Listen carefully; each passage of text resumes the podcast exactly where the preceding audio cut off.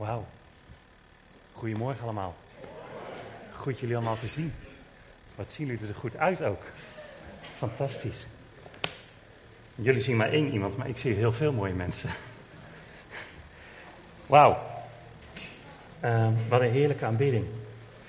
Ehm, ik werd geraakt door een aantal nummers die we zongen met elkaar. En, ehm, en ik wil er even iets over zeggen. Van, we zongen dat lied van I Believe in You. Dus ik geloof in u.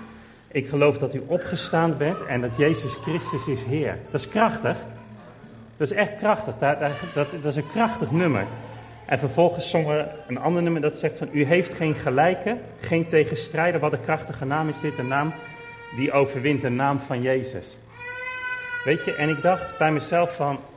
Als we echt geloven dat, dat Jezus uit de dood is opgestaan... Is dan heeft het alles voor ons veranderd. Dan heeft het alles voor ons veranderd. En, uh, en ik dacht, voordat ik ga preken, uh, wil ik misschien, ik wil gewoon eerst even wat, wat met je zeggen en wat met je doen. Omdat ik gewoon geloof, is, weet je, Jezus is overwinnaar. Is, is hij regeert, die mensen. Hij regeert en jij met hem. Is Efeze zegt, is je bent met hem gezeten. Je zit met hem op de overwinnaarstroom. Is je hebt autoriteit gekregen, wat Iris net zei ook van. En dat is zo cruciaal. En ik dacht bij mezelf, weet je, ik wil gewoon vandaag tegen je zeggen, is misschien ben je hier wel. En uh, zeg je, weet, ik ga door een moeilijke tijd heen in mijn leven. Is, ik, uh, ik worstel met ziekte of ik, ik heb last van uh, misschien wel angsten of stemmen in mijn hoofd. Misschien zit je wel dat je worstelt met depressie. Eh, misschien ga je thuis wel door een hele lastige situatie heen. Weet je, en ik wil gewoon vandaag tegen je zeggen, is, is Jezus' opstanding heeft alles voor je veranderd. Jezus' opstanding heeft alles voor je veranderd, mensen is, is hij regeert. Hij regeert. Is je bent niet overgeleverd aan je omstandigheid.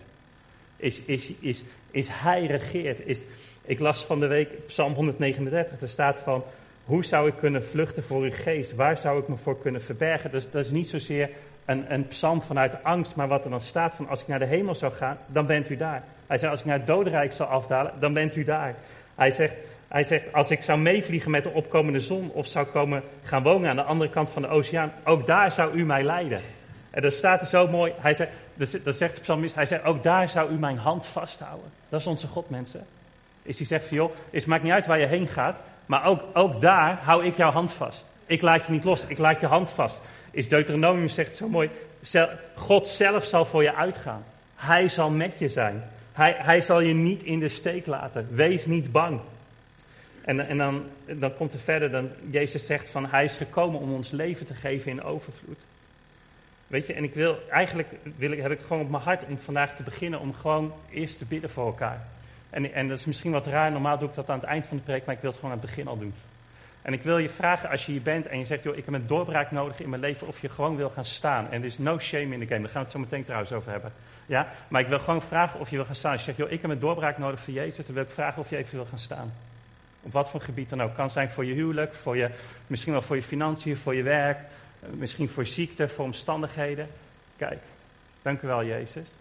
Misschien ben je hier ook wel zeg, joh, ik heb niet zozeer een doorbraak nodig in mijn leven, maar ik ken iemand die echt heel hard een doorbraak nodig heeft. Dan wil ik je ook vragen om in geloof voor die persoon te gaan staan. Oké, dan wil ik aan de rest vragen om om die mensen heen te gaan staan. En als je, oké, nu wordt het leuk. Want ja, dus uh, ik wil je gewoon vragen, als leg elkaar even de handen op, ja? Leg elkaar de handen op. En dan gaan we samen bidden. Ja? Lieve Heer Jezus, ik wil u danken dat u regeert, Heer. Ik wil u danken, Heer, dat u dood en opstanding alles voor ons veranderd heeft, Heer. Heer, ik wil u danken dat we niet overgeleverd zijn aan omstandigheden, Heer. Heer, maar dat we met u regeren. Is dat u dood heeft alles veranderd, Heer. Is, er is geen gelijk aan u, Heer. Er is geen, er is geen, tegen, er is geen strijder tegen u, Heer. Heer, en we willen gewoon vandaag uitspreken over al deze levens, Vader. We willen uitspreken over onszelf, Vader. We willen uitspreken over, over de mensen voor wie we staan, Vader. Willen we de naam van Jezus uitspreken, Heer. Heer, de naam van Jezus die vrijmaakt, de naam van Jezus die overwint, de naam van Jezus die geneest, de naam van Jezus die vrede brengt, de naam van Jezus die verlost, de naam van Jezus die shalom brengt. En Jezus, we willen tegen u zeggen, is Jezus, we houden van u, Heer. Heer, we willen tegen u zeggen, Jezus, we hebben uw hulp nodig, Heer. Heer Jezus, we willen tegen u zeggen, is we zegenen deze kerk, Heer. We zegenen deze kerk, we zegenen deze familie van u, Heer. Heer Jezus, we willen tegen u zeggen, we zegenen deze regio, Heer. We, spreken uw leven uit over deze regio, Heer. Heer, we zegenen de grond waarover we lopen, Vader. We zegenen het eten wat we drinken, Vader. Het water wat we drinken, Vader. De lucht die we inademen. En in Jezus' naam, in de naam van Jezus, de machtige naam van Jezus, annuleer ik op dit moment elke opdracht die uit het rijk der duisternis tegen jou of jouw familie is uitgevaardigd. Ik annuleer hem nu in de naam van Jezus. In de machtige naam van Jezus annuleren we de opdrachten uit het rijk der duisternis. Tegen jou en tegen je familie en tegen de mensen die je lief zijn. Tegen deze kerk is. We annuleren die opdrachten en we overschrijven ze in de naam van Jezus. Met plannen van hoop en toekomst. In Jezus' machtige naam. En in de naam van Jezus bestraffen we elke demonische macht tegen onze God en tegen het koninkrijk van God in deze regio. In deze regio. En elke ziekte, elke kwelling, elke verbondenheid, gebondenheid gaat nu weg in de naam van Jezus. In de naam van Jezus. En we zetten de kracht van het evangelie, van het koninkrijk van God, vrij in de machtige naam van Jezus. Op dit moment. Amen. Amen. Ga lekker zitten. Goed zo. Het voelt al een heel stuk beter, of niet? Hey. ik wil je gewoon echt uitdagen. Is, doe dat thuis ook, hè? Doe het met je vrouw, doe het met je, met je echtgenoot, is, doe het met je kinderen, doe het met vrienden als je bij elkaar komt. Er, is kracht in de naam van Jezus, mensen. En wat we moeten leren is dat niet alleen, dat is niet alleen een uitspraak, er is kracht in de naam van Jezus, maar er zit kracht in de naam van Jezus. Ga dat toepassen, ga, ga daarmee wandelen is Mirjam en ik zijn, zijn uh, na een tijdje zijn we begonnen, is elke morgen nemen we samen even avondmaal. Is dan, breken we, dan breken we een stukje brood, dan drinken we een beetje druivensap. En gewoon omdat we geloven, er is kracht in het bloed van het lam. Weet je, en dan, dan, bid, dan, dan bid ik s'morgens en zeg ik, Heer, laat uw koninkrijk komen. En dan noem ik de namen van mijn kinderen op. Zeg ik, Heer, uw koninkrijk vandaag in het leven van Veerle, van Anne-Jet en van Lieve. Uw koninkrijk in het leven van Mirjam van mijn vrienden, van ons team. En elke morgen, omdat er, er zit kracht, jongens, er zit kracht in de naam van Jezus. Het is niet een liedje wat we zingen. Er is kracht in, in, in Jezus, oké? Goed, goed zo. Hey, we gaan het vandaag hebben over no shame in the game.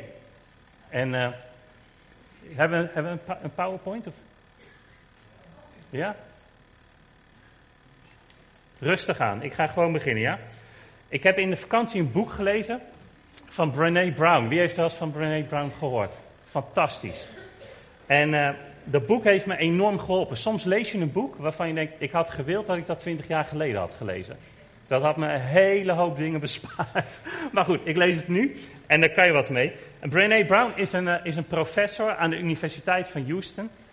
En, en zij heeft een boek geschreven dat heet De Kracht van Kwetsbaarheid. En, uh, en wat zij zegt in dat boek is, ze zegt van, joh, wij zijn neurobiologisch zo geschapen dat we ergens bij willen horen. Dus ze zegt, het maakt niet uit wat je achtergrond is, het maakt niet uit wat je opleidingsniveau is, het maakt niet uit wat je religie is of je geloof, je geslacht, het maakt niet uit wat je seksuele voorkeur is. Iedereen wil het gevoel hebben van ik ben deel van iets.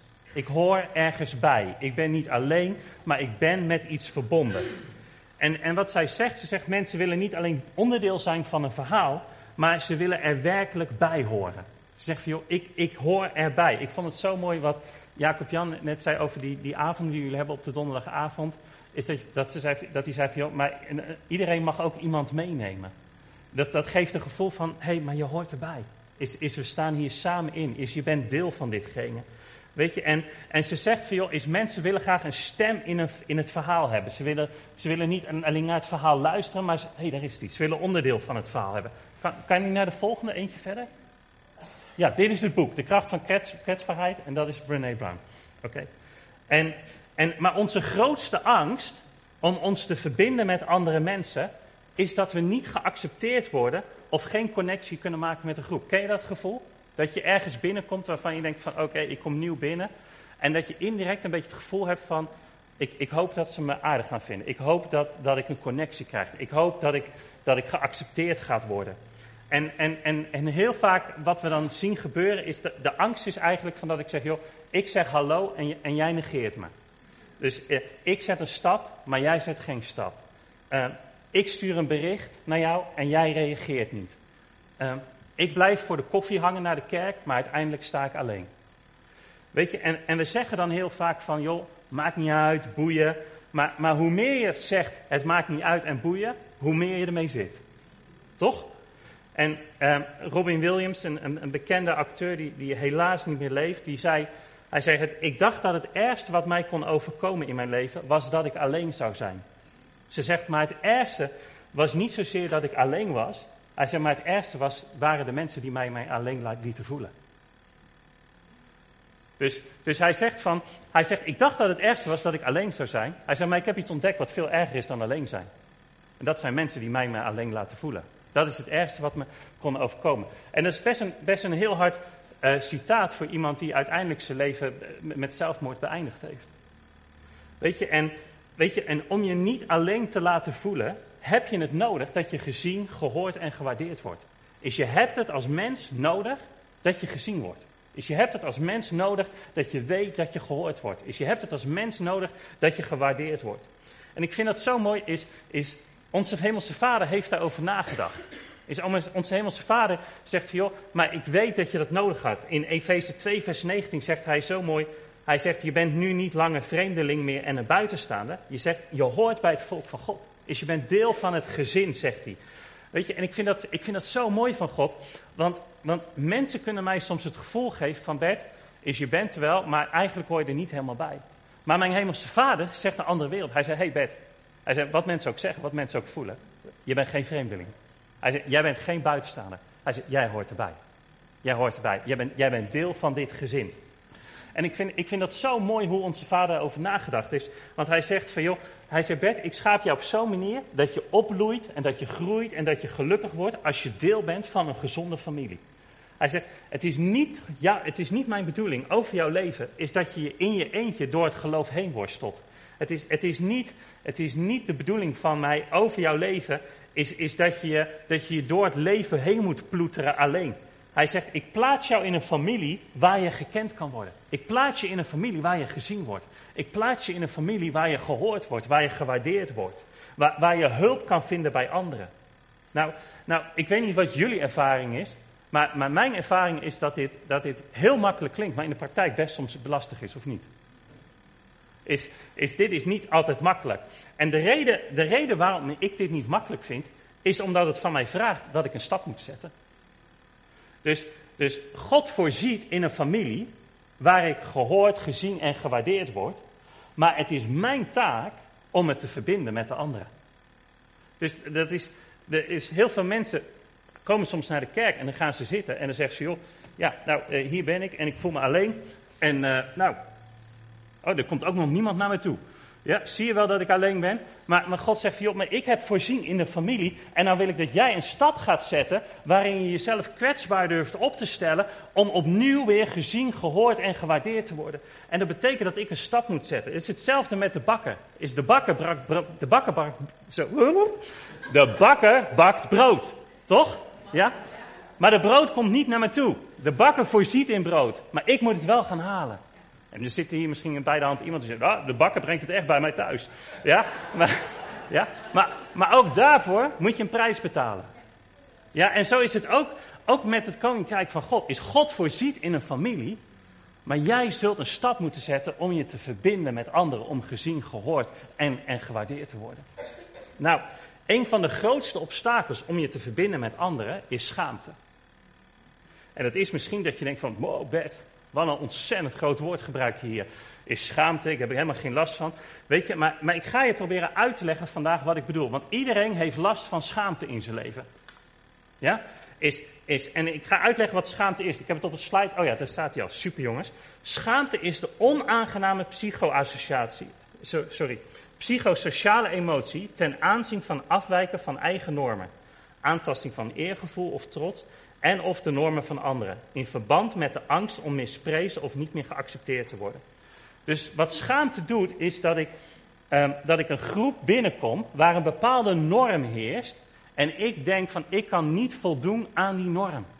En het maakt dat ik denk van, zie je wel, ik ben niet goed genoeg. Of zie je wel, ze gaan me waarschijnlijk zo meteen afwijzen, want ik gedraag me niet zoals anderen dat doen.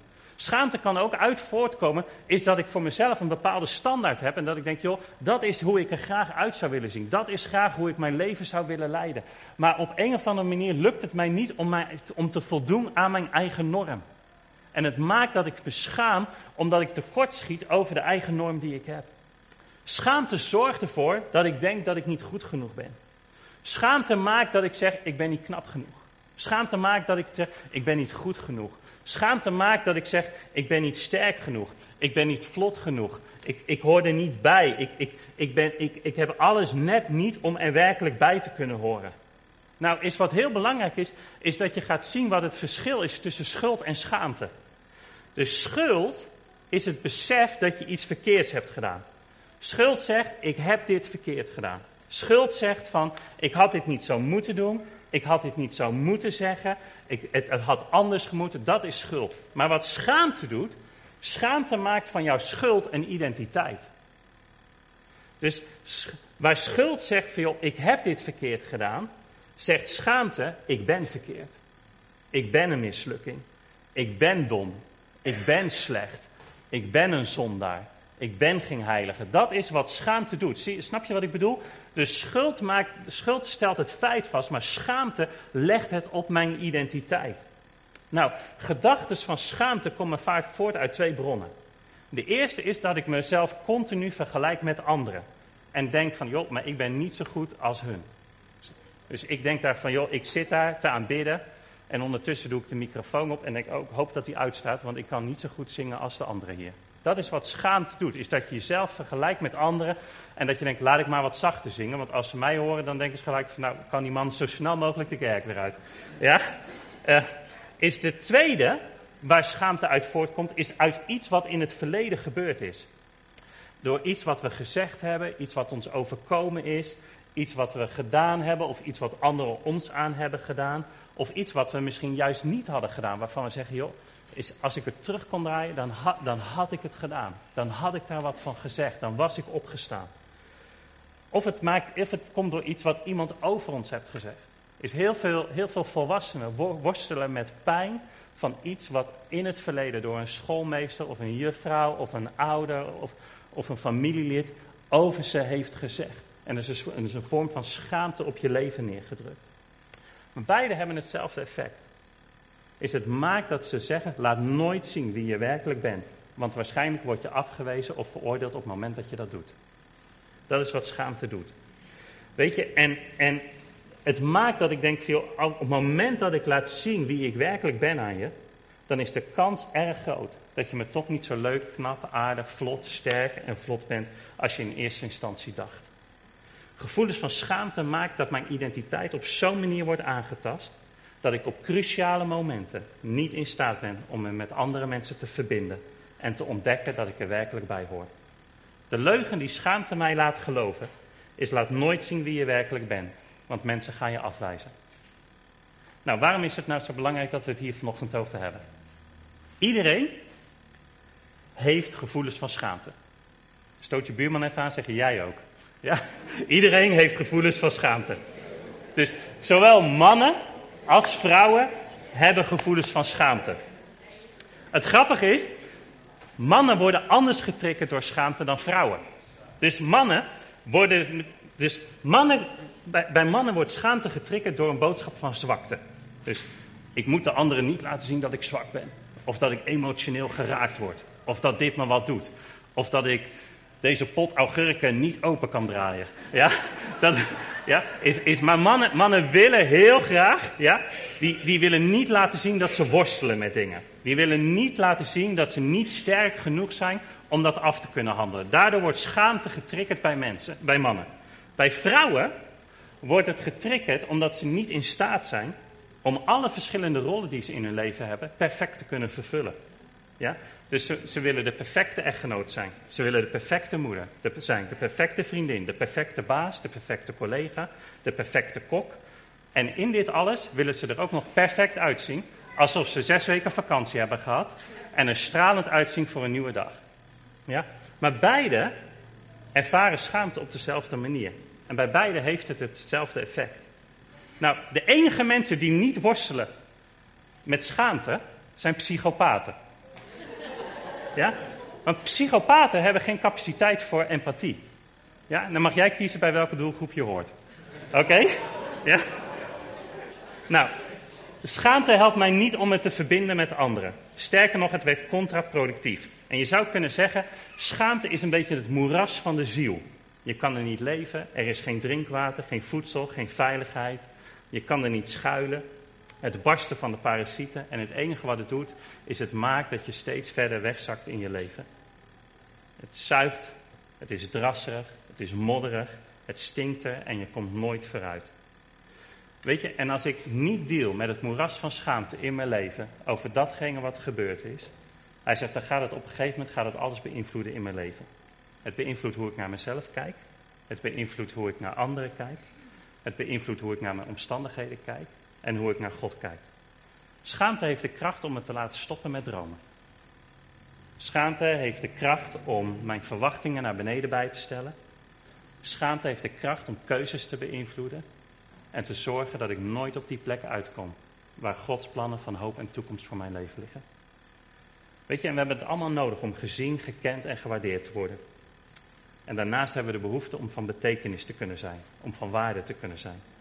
Maar voor beide zaken heb je andere mensen om je heen nodig.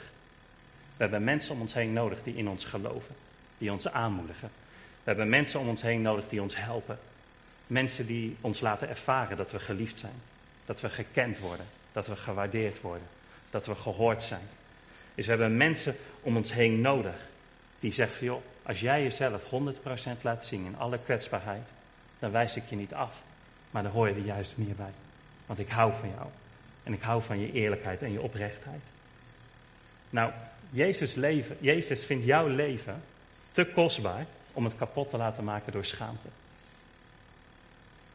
Is daarom heeft hij jouw schaamte weggenomen, mensen. Daarom heeft hij jouw schaamte weggenomen. En ik wil vandaag met je kijken naar een verhaal uit de Bijbel dat ons kan helpen om af te rekenen met schaamte en van daaruit met vrijheid met elkaar verder te wandelen. En dat komt uit Joshua 4. En Joshua, Joshua is een ontzettend interessant boek. Want Joshua begint eigenlijk daar waar de dienstknecht Mozes gestorven is. En dan zegt, dan zegt God tegen Joshua, zegt Joshua, jij bent nu de man. Jij, jij bent de man voor de vervulling van de belofte over dit volk. Maar je moet je even voorstellen, dat volk was bevrijd uit de slavernij van Egypte. Maar door hun ongeloof en ongehoorzaamheid liepen ze al 40 jaar in de woestijn voordat ze aankwamen bij het beloofde land. Dus dat betekende dat een, dat een hele generatie die slaaf was geweest in Egypte en weg was gegaan omdat God ze een belofte had gegeven over een land van melk en honing, nooit daar gekomen was, daar waar, waar, waarvoor ze vertrokken waren. En de enige twee die nog leefden waren Caleb en Joshua. Zelfs Mozes was niet meer. Zelfs Mozes was niet aangekomen in het beloofde land. En 40 jaar lang liepen ze rondjes in de woestijn en waren ze niet in staat om het beloofde land in bezit te nemen. Nou, moet je je voorstellen, is, we lezen dat heel vaak thuis aan tafel of op een moment voor jezelf en dan gaan we weer verder. Maar 40 jaar lang waar je niet in staat bent om door te breken voor datgene waar God je voor geroepen heeft. En je moet je gewoon eens voorstellen de schaamte die op hun lag. De schaamte dat je, dat je wordt op een bovennatuurlijke manier bevrijd uit, uit, uit, uit slavernij. Maar door je ongeloof en door je ongehoorzaamheid ben je niet in staat om het beloofde land van God in bezit te nemen en Gods beloftes tot vervulling te zien komen in je leven. Dus je bent slaaf in Egypte en dan op een, je, je ziet dat God aan het werk is en je zegt tegen je buurman, zeg, hé hey, buurman, is, binnenkort ga ik weg. Dan ben ik geen slaaf meer hier. Want God roept mij om in vrijheid te gaan wonen.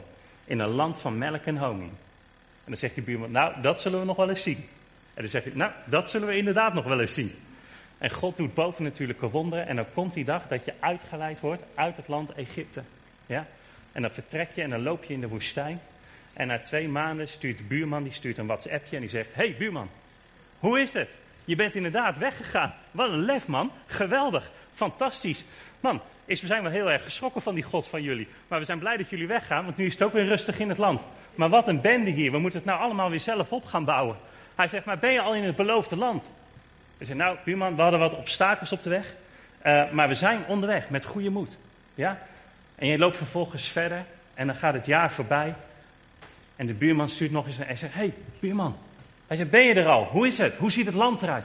Ja, buurman, sorry, we zijn er nog niet. We zijn nog steeds aan het lopen. En op een gegeven moment worden de berichtjes van buurman minder en minder. Totdat het oud en nieuw is. En dan zegt hij, stuurt hij zo'n uh, berichtje naar al zijn contacten. En die zegt, hey, gelukkig nieuwjaar, ik hoop dat het goed met je gaat. Ja, en dan stuur je een berichtje terug en dan zegt hij, ja, dankjewel. Wat sympathiek van je dat je even een persoonlijk berichtje naar me stuurt. Ja, en dan zegt hij van, joh, en dan vraagt hij, oh, nou ja, nu je toch reageert, is hoe bevalt het daar? En dan moet je zeggen, nee, ja, sorry, we zijn er nog niet. En elk jaar moet je opnieuw vertellen, 40 jaar lang, dat je nog niet aangekomen bent in dat land van de belofte. Ze zaten vast met elkaar in een patroon. Wel bevrijd van de slavernij, maar niet in staat om de erfenis en de belofte in bezit te nemen. God zorgde voor ze. God liet ze niet los. Maar door hun ongeloof en ongehoorzaamheid konden ze het land Canaan niet beërven. Zelfs Mozes sterft en neemt het land niet in bezit. En dan roept God Joshua. En met een nieuwe generatie Israëlieten en Caleb steekt hij de Jordaan over. En dan slaan ze hun kamp op bij Gilgal, vlakbij Jericho. En daar gaan we even over lezen. En er staat in Jozua 4, vers 20, daar plaatste Jozua de twaalf stenen die ze uit de Jordaan hadden gehaald. En hij zei tegen de Israëlieten, wanneer je kinderen je laten vragen wat die stenen betekenen, leg hen dan uit hoe je hier droogvoets de Jordaan hebt overgestoken. Vertel hun dat de Heer jullie God de Jordaan drooglegde, tot jullie waren overgestoken, net zoals hij ook de Rietzee voor ons heeft drooggelegd, tot wij aan de overkant gekomen waren. En hierdoor zullen alle volken op aarde weten hoe krachtig de Heer ingrijpt. En hierdoor zullen jullie ook steeds ontzag hebben voor de Heer jullie God. En dan gaat het verder in Jozua 5 vers 2, het volgende stukje, en staat... In diezelfde tijd zei de Heer tegen Jozua, besnijd alle Israëlieten opnieuw met stenen messen. Nou, ik denk dat ze nog nooit zo blij waren dat God sprak. Nee. Oké. Okay. Nou, Jozua maakte nieuwe stenen messen en besneed daarmee de Israëlieten op de voorhuidenheuvel. En de besnijdenis werd ook wel om deze reden uitgevoerd. Toen het volk uit Egypte wegtrok, waren alle weerbare mannen besneden. Maar de jongetjes die in de woestijn geboren waren, had men niet besneden. Veertig jaar lang had de woestijntocht geduurd. En in die tijd waren alle weerbare mannen die uit Egypte getrokken waren omgekomen. Want zij waren de Heer ongehoorzaam geweest. Hij had gezworen dat zij het vruchtbare land van melk en honing dat aan hun voorouders was beloofd niet zouden zien. En de Heer had de zonen de plaats van de vaders laten innemen. En Jozua besneed hen nu omdat dit tijdens de woestijn toch niet gebeurd was. En toen ze allemaal besneden waren, bleven ze in het kamp tot ze genezen waren. En de Heer zei tegen Jozua, de Egyptenaren hebben jullie als slaven gebruikt. Vandaag heb ik die schande weggenomen. En men noemt die plaats daarom tot op de dag van vandaag Gilgal weggenomen. Nou, het woord schande, is, het Hebreeuwse woord is herpa. En dat betekent, God heeft het verwijt, de minachting, de schaamte van je afgehaald. Weet je, en ik dacht, waarom was het nou zo belangrijk dat God dit deed? Schande en schaamte maakt dat je een interne verlamming krijgt, die ons ervan weerhoudt om ons hoofd omhoog te houden en als overwinnaar het land in bezit te nemen. God wilde niet dat ze als slachtoffers van schande en schaamte het land in bezit zouden nemen. Maar hij wilde dat ze het land in bezit namen met het besef dat ze zijn volk waren. Het volk wat een verband had met een krachtige God. God wilde niet is dat, dat ze zelf zouden denken, ach, dat zijn die slaven, dat zijn die Egyptenaren, dat zijn die nobodies die al 40 jaar door de woestijn zwerven. Dat zijn, dat, zijn die, dat zijn die mensen die wel vertrokken zijn, maar nooit aangekomen zijn in het land. Is God zei, die schaamte, die schande, die neem ik van je weg. Het is niet jullie deel. Hetzelfde zegt God vandaag over jouw leven. De schande over je leven, de schaamte over je leven, de minachting over je leven, die neem ik weg. Het is niet jouw deel. Het is niet jouw deel. Jij bent niet geroepen om een slachtoffer te zijn van je verleden. Je bent niet geroepen om een slachtoffer te zijn van je fouten, de fouten van anderen of de tekortkomingen die je zelf hebt veroorzaakt of anderen. God zegt, joh, ik wil je de waardigheid geven zoals de hemel naar je kijkt. Ik neem het van je weg. 2 Petrus 2 vers 19 zegt zo mooi, een mens is een slaaf van datgene wat hem in zijn macht heeft. En soms kan schaamte en schande je zo in zijn macht hebben dat zij bepalen wat wel en wat niet voor je is weggelegd. Romeinen 2 vers 29 zegt, nee de ware Jood is hij die innerlijk is, die in zijn hart besneden is, dat is het werk van de geest van God. Niet door de, van de geschreven wet. Zoals iemand die, zo, zo iemand zal dan niet worden geprezen door de mensen, maar wel door God. je zou kunnen zeggen, door, door de fysieke besnijdenis van het volk Israël rolde God de schaamte bij hen weg bij Gilgal maar door de geestelijke besnijdenis die in ons hart heeft plaatsgevonden. Door de geest van God. Niet doordat ik me aan de wet hield. Niet doordat ik, doordat ik voldeed aan de meetlat van religie. Maar door de geest van God is, ben ik, is, in, is, is mijn geest besnijden, besneden en is de schaamte van mij weggerold. Je zou kunnen zeggen, is Jezus bloed heeft de schaamte van mij weggewassen. Is want hij droeg het aan het kruis. Jezaja 61 vers 10 zegt zo mooi, ik ben heel erg blij met de Heer, ik juich over wie God is, want Hij heeft mij gered, Hij is voor mij opgekomen en daardoor ben ik nu zo mooi als een bruidegom in zijn feestkleren en als een bruid met al haar sieraden aan. Schaamte is niet mijn deel. Schaamte is niet mijn deel. Is, is, is op het moment dat de vijand roept, shame on you, zeg ik nee, nee, nee, nee, nee, nee, nee. Hij heeft het van mij weggerold. Hij heeft het van mij weggesneden. Het is weggewassen met zijn bloed. Is, ik hoef niet met schaamte te leven. Weet je, en ik wil vandaag tegen je zeggen, is gooi de mantel van schaamte weg. Gooi hem weg op de heuvel van voorhuiden. Gooi hem weg. Is waarom zou ik willen lopen met een vieze oude jas van schaamte als God me een bruiloftkleed wil geven? Waarom zou ik willen lopen met een oude doek van schaamte en schande als hij mij sieraden geeft en me bekleedt als een bruid? Weet je, soms leggen mensen schaamte op je omdat zij zich meer schamen voor jou dan jij je voor jezelf schaamt. En ik wil vandaag tegen je zeggen, is dat is hun schaamte. Dat is niet jouw schaamte. Is laat de schaamte van anderen niet op je leggen is loop niet langer met een mantel die mensen op je proberen te leggen, die God niet op je heeft gelegd. Het is niet mijn deel. Soms maakt het dat ik moet zeggen in gesprekken met mensen, is dat ik zeg, joh, ik, ik hoor wat je zegt. Maar ik wil hier e-, echt wil ik wat over zeggen. Is ik hoor wat je zegt, maar ik ontvang dit niet. Dit is jouw schaamte en niet die van mij. Is ik het sta niet toe dat je dit op mij legt. Want Jezus heeft mij een andere belofte gegeven. Is hij heeft het van mij weggerold. Ik ben een vrij man. Ja? En ik weet dat ik niet alles perfect heb gedaan in mijn leven. Maar Jezus heeft de schaamte en de schande weggenomen van mij. En ik mag lopen met zijn bruiloftskleed. Ik mag lopen met zijn sieraden. En ik laat me niet verlammen door de boodschap van schaamte en schande. Hij, heeft mij, hij is gekomen om mij een leven te geven in overvloed en ik wandel naar de waarde die de hemel mij heeft gegeven. Er gebeurt er iets opmerkelijks in dat verhaal van Joshua. En dan gaan we nog even lezen, Joshua 5, vers 10. Dan is dat gebeurd en dan staat er: de Israëlieten vierden in het tentenkamp in Gilgal het paasfeest. Op de avond van de veertiende dag van de maand in de vlakte van Jericho. En de dag na het paasfeest aten ze voor wat van wat er in het land Canaan groeide. En ze aten ongegist brood en geroosterd graan de dag nadat ze voor het eerst um, hadden gegeten van wat er in het land Canaan groeide. En op dat moment viel er geen manna meer. Ze kregen dus geen manna meer, maar ze aten dat jaar van wat er in het land Canaan groeide. Het is heel interessant, want vanaf dat moment dat God de schande wegnam, hoefden ze niet meer te eten van het manna wat God gaf, maar aten ze van het voedsel van het beloofde land. Nou komt de vraag, is, hadden ze dat beloofde land al in bezit genomen? Nee, maar ze zagen zichzelf als eigenaren van dat beloofde land. Want de schaamte was van hen afgenomen. Ze zagen zichzelf niet meer als slachtoffers en God ook niet meer. Ze zagen zichzelf als de, de, de eigenaren van de belofte van de vervulling. Op dat moment zei God, hé, hey, maar de schaamte van, van de slavernij en van de nobodies die niet doorbreken, is van je afgenomen. Dus eet van datgene wat ik je beloofd heb. Nou, we kunnen blijven kijken in ons leven naar onze tekortkomingen en schaamte. Of je kan wandelen in de genade die God je gegeven heeft. En het verhaal van de verloren zoon is daar een prachtig voorbeeld van. In Lucas 15, vers 17, dan komt die zoon, die komt tot het besef, hè, die, die heeft een feest gevierd van, van de erfenis die hij kreeg van zijn vader.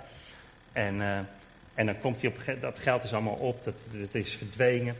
En dan komt hij tot het moment dat hij, dat hij denkt, joh, ik moet gewoon weer werk gaan zoeken, want, want ik kan gewoon niet meer in mijn eigen onderhoud voorzien. En dan krijgt hij een baantje als varkenshoeder.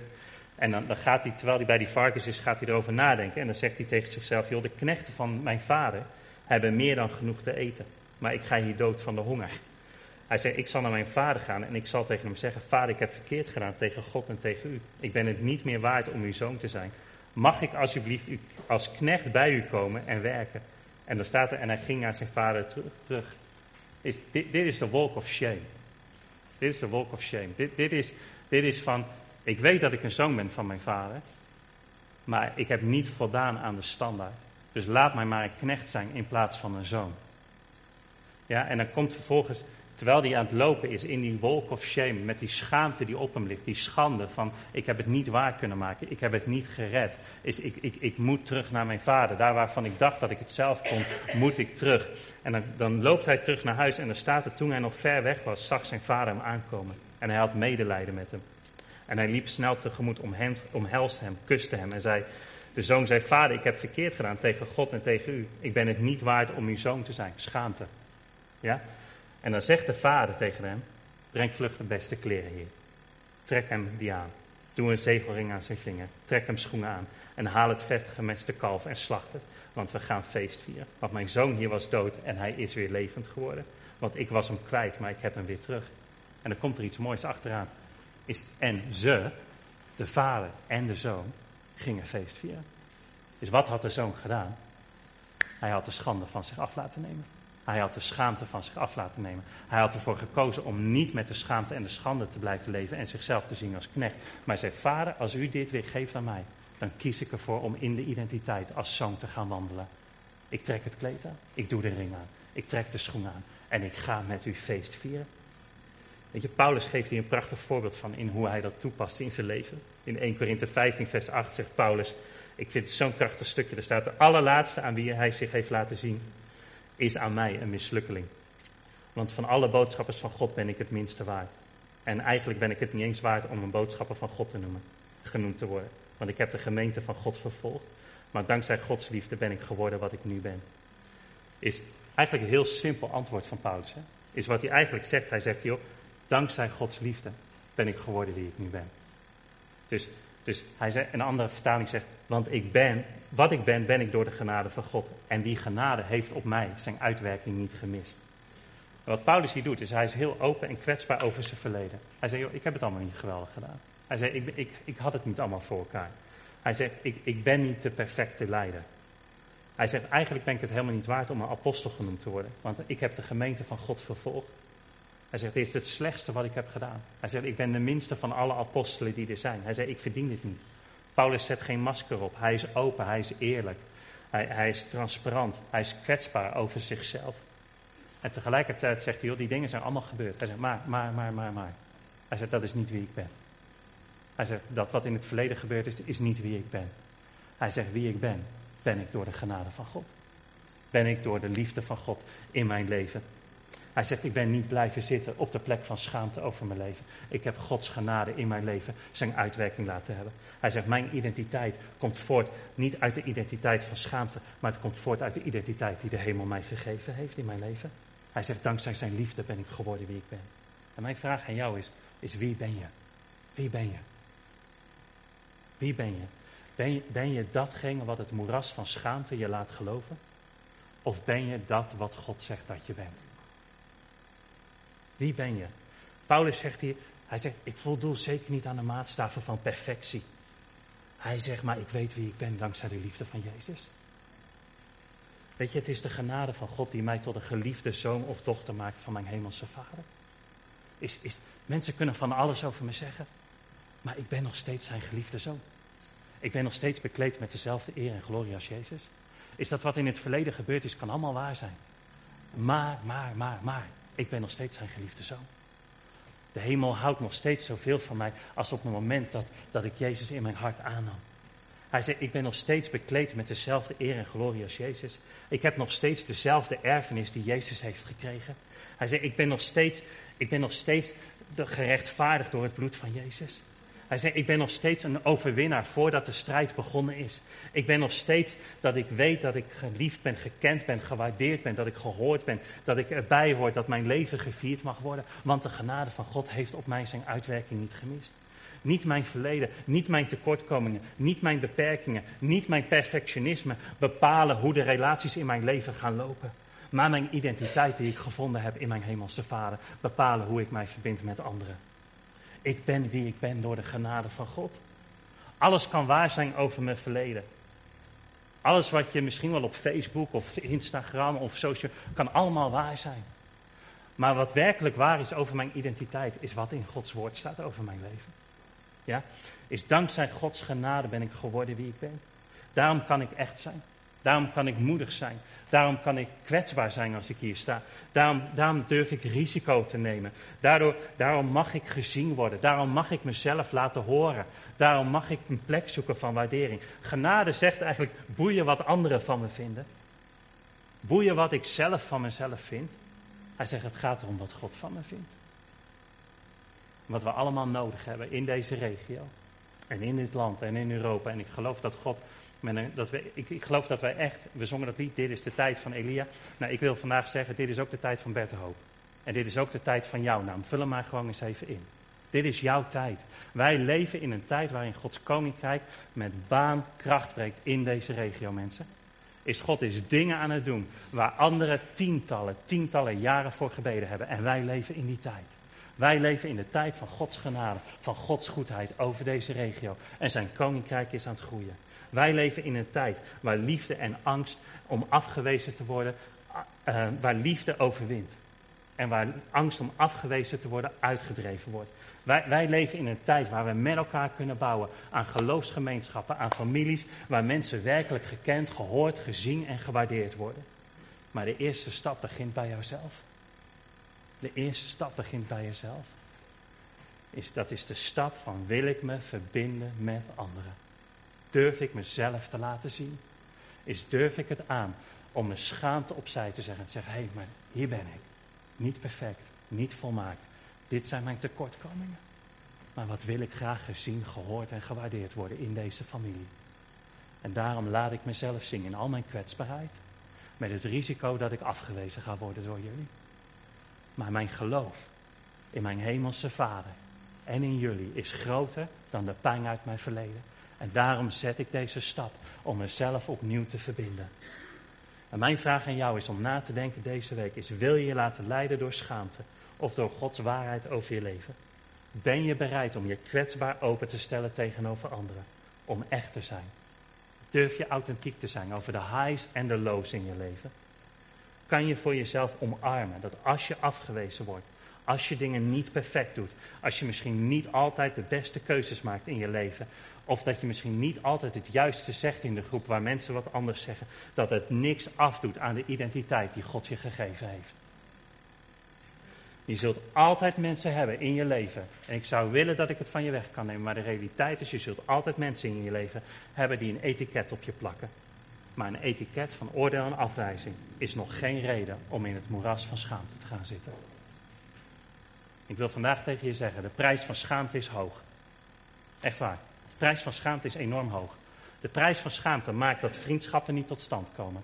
De prijs van schaamte maakt dat huwelijken niet gezond worden. Is dat liederen niet worden geschreven. Is dat innovatie niet tot stand komt. Is dat risico niet wordt genomen. Is dat moedige gesprekken niet plaatsvinden. Dat samenwerking niet tot stand komt. Dat er niet gebeden wordt voor mensen die we onderweg tegenkomen. En waarvan we weten dat we een antwoord hebben. Is omdat onze God regeert. Het maakt dat profetie niet meer klinkt. En het maakt dat liefde en acceptatie uit ons leven wegvloeit. En we uiteindelijk in eenzaamheid blijven zitten. Dat is de prijs van schaamte, mensen. Het laat ons achter met de vraag is, hoe had mijn leven eruit gezien als ik me niet had laten leiden door het moeras van schaamte? En vandaag wil ik tegen je zeggen, de prijs die Jezus betaalde is hoger dan de prijs van schaamte. Jezaja zegt, hij zal de dood voor eeuwig van ons overwinnen en vernietigen. De Heer zal de tranen over alle gezichten afvegen. Hij zal de schaamte van zijn volk helemaal van de aarde wegdoen. Want de Heer heeft het gezegd en hij zal het ook doen. Hebreeën zegt, laten we op Jezus letten, want hij is onze leider. Hij wijst ons de weg, gaat voor ons uit. Hij is ons voorbeeld in het geloof. Hij droeg op het hij verdroeg de dood aan het kruis en alle schande. Omdat hij wist hoe het daarna zou zijn. En nu zit hij op Gods troon. En jij zit naast hem. Dat is wat de Bijbel zegt. En ik wil vandaag tegen je zeggen, ik wilde dat het zo makkelijk was dat ik kan zeggen, je luistert een keer preek over no shame in the game en daarna is al je schaamte weg. Helaas pindakaas. De realiteit is, is dat het een wandeling is waarin je zegt, joh, ik heb die vakantiegids nog eens bekeken. Ik heb nog eens gekeken naar dat moeras van schaamte. En ik denk dat het niet de beste camping is voor mijn leven. Ik ga mijn tentje pakken. Dus ik heb hier lang genoeg gekampeerd. En ik ga wandelen naar de plek die God heeft in mijn leven. En daar begint het om uit het moeras van schaamte te lopen. Is dat je voor jezelf een keuze maakt. En zegt, ik heb hier lang genoeg verbleven. Het stinkt er. Er zijn te veel muggen. Het is de beren ongezellig. Het is verstikkend. En hier ervaar ik niet de rust en vrede die ik nodig heb in mijn leven. Deze camping bevalt me niet. Ik blijf hier niet langer wonen. En samen met mijn hemelse goede vader ga ik op zoek naar een plek waar ik zijn goedheid en liefde over mijn leven kan ervaren. Waar ik gehoord word, waar ik gezien word, waar ik gewaardeerd word en waar ik mezelf kan zijn. Ik was van de week aan het lezen over Jezus die verleid wordt door de woestijn in de duivel. En dat is de Armeense betekenis van duivel is aanklager. De Griekse betekenis is lasteraar. En lasteraar betekent is, dat is iemand die een valse verklaring over jouw leven legt. Met de bedoeling om jouw reputatie te schaden. Hij legt voortdurend een last op je.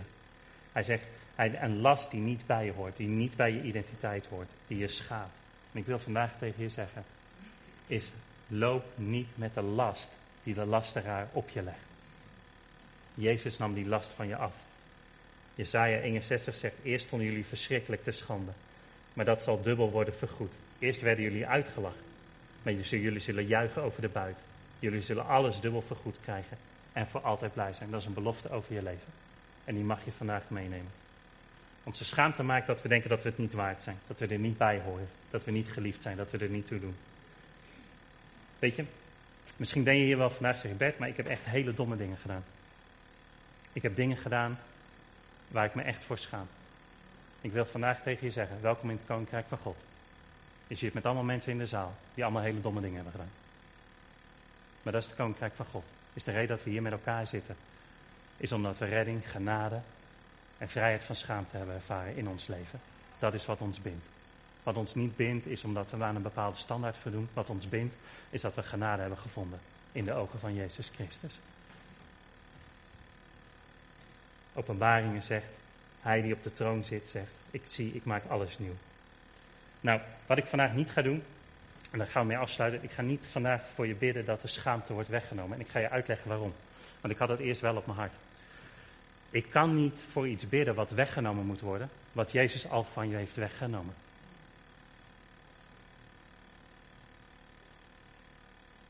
Ik kan niet iets zoeken wat ik al heb. Ik kan niet bidden voor iets wat, wat weg moet gaan, als Jezus het al bij je heeft weggehaald. Waar ik wel voor ga bidden, is dat jij gaat zien wat je werkelijke identiteit is. Zullen we gaan staan? Ik, uh, ja, het zou fijn zijn als de muziek erbij komt. Ik was van de week aan het voorbereiden. En uh, ik ga je iets persoonlijks delen. Um, je mag even, er komt nog één slide hierna. En ik, ik had hem erachter gezet omdat ik niet zeker wist of ik het wilde delen of niet. Maar doe maar even die volgende slide als het kan. Zit er geen slide achter meer? Sorry. Oké. Ehm, ik, ik, ik, was stille tijd aan het houden en toen las ik, ik lees altijd een stukje uit het Oude Testament, Nieuw Testament. En ik las eerst het Nieuwe Testament en dan zegt Jezus, de een zaait, de ander maait. Hij zegt, ik heb jullie gestuurd om de oogst binnen te halen waar jullie helemaal niets aan hebben gedaan. Anderen hebben voor jullie gezaaid en bewerkt en nu kunnen jullie oogsten waarvoor zij hebben gewerkt.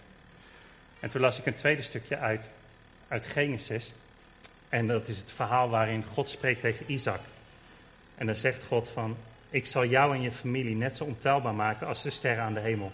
En ik zal al deze landen aan jullie familie geven. En door jouw zoon zullen alle mensen die op de aarde gezegend worden. En dan zegt God, Waarom doe ik dat? Omdat Abraham mij gehoorzaam is geweest en mij heeft gediend. Hij heeft zich gehouden aan al mijn bevelen en wetten. Dus God zegt hier tegen Isaac, Isaac, dus jij krijgt zegen omdat je vader een aantal keuzes heeft gemaakt, werkt die zegen door in jouw leven en in jouw generatie. En als je dan kijkt naar vers 12, dan staat er: Isaac zaaide in dat land. En dat jaar oogste hij honderd keer zoveel als hij gezaaid had. Want de Heer was goed van hem. Ik had het s morgens gelezen voordat we bij onze dienst ingingen. En ik had niet het verband gelegd tussen die twee stukjes waarin Jezus zegt van joh, je hebt niet gezaaid, je hebt niet gemaaid en toch mag je gaan oogsten. En dat stuk van Isaac die een oogst krijgt, die hij eigenlijk zelf niet helemaal heeft verdiend, maar puur op basis van de goedheid van God en op basis van wat zijn vader had gedaan. Die zondag kwam een vriend naar me toe met een zak pruimen, een grote zak pruimen, daar, was, daar had ik een foto van. En, en hij zei, Bert, die pruimen zijn voor jou. Ik zei, joh Henk, fantastisch, wat dankjewel, wat lief dat je aan ons denkt. Hij zei, Bert, maar die pruimen, hij zegt, die, die komen van de pruimenboom die bij je vader in de tuin stond. Mijn vader is zeven jaar geleden overleden aan kanker. En hij had een droom om een boerderij te hebben waar mensen naartoe konden komen, waar ze de liefde van Jezus konden ervaren, waar ze gevoed konden worden. En op basis van die droom had hij een pruimenboom geplant. Maar die pruimenboom had nooit vrucht gedragen. En toen, de pruimen, toen hij overleed, hebben die pruimenboom eruit gehaald en die hebben we gegeven aan een vriend. Zeven jaar lang droeg die pruimenboom geen enkele vrucht. En dit jaar, op die zondag, kwam hij met een tas vol pruimen en zegt, dat is de vrucht van de boom van je vader. En in één keer schudde God me wakker. Weet je, dat je snap je nou wat je gelezen hebt? Snap je nou wat hier gebeurt? Hij zegt, hij zegt je leest over dat je mag maaien, zonder dat je gemaaid of gezaaid hebt, mag je gaan oogsten. Zonder dat jij nou iets gedaan hebt, is er een belofte die ik gedaan heb op basis van wat ik gegeven heb aan Abraham, zit er zegen over je leven. Weet je, en ik, ik geloof dat het een woord voor jullie is als kerk. Ik geloof dat het een woord is voor jullie als gemeente. Weet je, ik, ik geloof misschien, ik, ik geloof het woord wat God over jullie als kerk legt. Het is oogsttijd, mensen. Het is oogsttijd. Het is oogsttijd. En ik geloof niet dat het niet een oogsttijd is die nog moet gaan komen. Maar het woord wat God geeft aan deze gemeente is: de oogsttijd is nu. Het is nu. Het is nu. En wat daarvoor nodig is, is dat je, dat je gaat zien, is dat de schaamte niet meer jullie deel is. Is dat de schaamte en de schande van je is afgenomen is dat je gaat wandelen met de identiteit die God over je heeft gelegd. En misschien zit je hier wel en zeg je, Bert, maar we hebben helemaal niet gezaaid, we hebben helemaal niet gemaaid, we waren niet in staat. Maar God zegt, ik roep je niet om te oogsten omdat jij hebt gezaaid of gemaaid, maar ik roep je omdat het oogsttijd is. Is ik roep je omdat ik bepaal welke tijd het is. Ik roep je omdat ik zeg, nu is het de tijd om te oogsten. Het tweede wat ik tegen je wil zeggen is, jouw acties, jouw gehoorzaamheid, jouw dienstbetoon hebben invloed op de zegen van de generaties die na jou gaan komen. En dat, dat, ik wil vandaag tegen je zeggen, is elke stap die jij zet op dit moment in dit seizoen, gaat direct impact hebben op die gastjes die hier vandaag voor in de kerk zaten is denk nooit dat je denkt van het is voor niks geweest. Is God zegt vandaag dat je, is jouw gehoorzaamheid, jouw geloof heeft impact op de zegen van de generatie van de volgende leiders die in deze regio geplant zijn om een kerk te planten en zijn koninkrijk te laten zien. En misschien ben je hier wel en zeg je, Jobbert, is, ik hoor bij die generatie die gezaaid heeft, is die, die, die vertrouwd heeft, die ervoor is gegaan. En vandaag wil ik tegen je zeggen, is je gaat nog zien de vruchten van het werk en de gehoorzaamheid die je hebt meegemaakt. En wat ik vandaag over jullie wil vrijzetten, is dat je gaat zaaien. Zaaien in de wetenschap dat je honderd keer zoveel vrucht gaat oogsten. Dan omdat God goed voor je is. Niet omdat je het zelf allemaal voor elkaar hebt, maar omdat God goed voor je is. Misschien ben je hier wel en zeg je, joh Bert, maar dat is een hele specifieke belofte voor een hele specifieke man en voor een hele specifieke familie. Dan ga ik afsluiten met één tekst. Galaten 3, vers 29. Als jullie van Christus zijn. Ben je van Christus? Ja? Dan ben je een kind van Abraham. En daarom erf je zijn belofte. Zo is de belofte die God vroeger aan Abraham deed, nu ook voor jullie. Zullen we onze handen openen?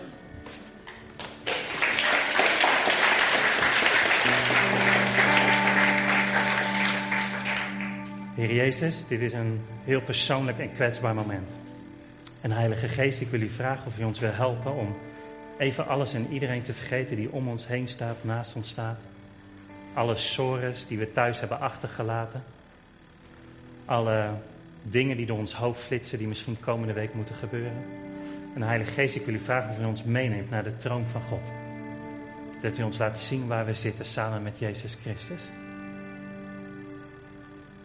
Heer Jezus, ik wil u vragen of u ons op dit moment opnieuw een knuffel wil geven. Is dat u opnieuw wil zeggen, is dat de Vader dol op ons is. Dat Hij enorm veel van ons houdt.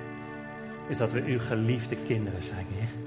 Is dat u ons bekleed heeft met dezelfde eer en glorie als Jezus. Is dat u ons dezelfde erfenis heeft gegeven. Heer Jezus, ik wil u bidden dat u ons opnieuw vertelt dat u de schande van ons heeft afgenomen, de schaamte. Is dat schaamte en schande niet ons deel is. Niet ons deel is. Het is niet jouw deel. Ik wil het opnieuw tegen je zeggen. Het is niet je deel. Het is niet je deel. Heer Jezus, ik wil u danken dat u vandaag tegen ons zegt: hoofd omhoog, hoofd omhoog, hoofd omhoog. Geen slachtoffer. Geen slachtoffer. Je bent een inwoner van het land van de belofte. Je bent een inwoner van het land van de belofte. En ik wil dat je gaat eten, ik wil dat je gaat bewegen alsof het land van jou is. Ik wil dat je het niet meer bekijkt vanuit een positie van slavernij of van achterstand, maar ik wil dat je het bekijkt vanuit een inwoner van het land van de belofte. Heer Jezus, ik wil u vragen of u ons wil gaan helpen met zaaien, Heer. Heer, om ons de moed te geven, Heer, al is het maar een grasveldje van een vierkante meter, Heer. Heer, maar om iets deze week te gaan doen, Vader, om in geloof weer te gaan zaaien, Heer. Om in geloof te gaan zaaien, Heer. Heer, met de verwachting dat het vrucht gaat geven, Heer.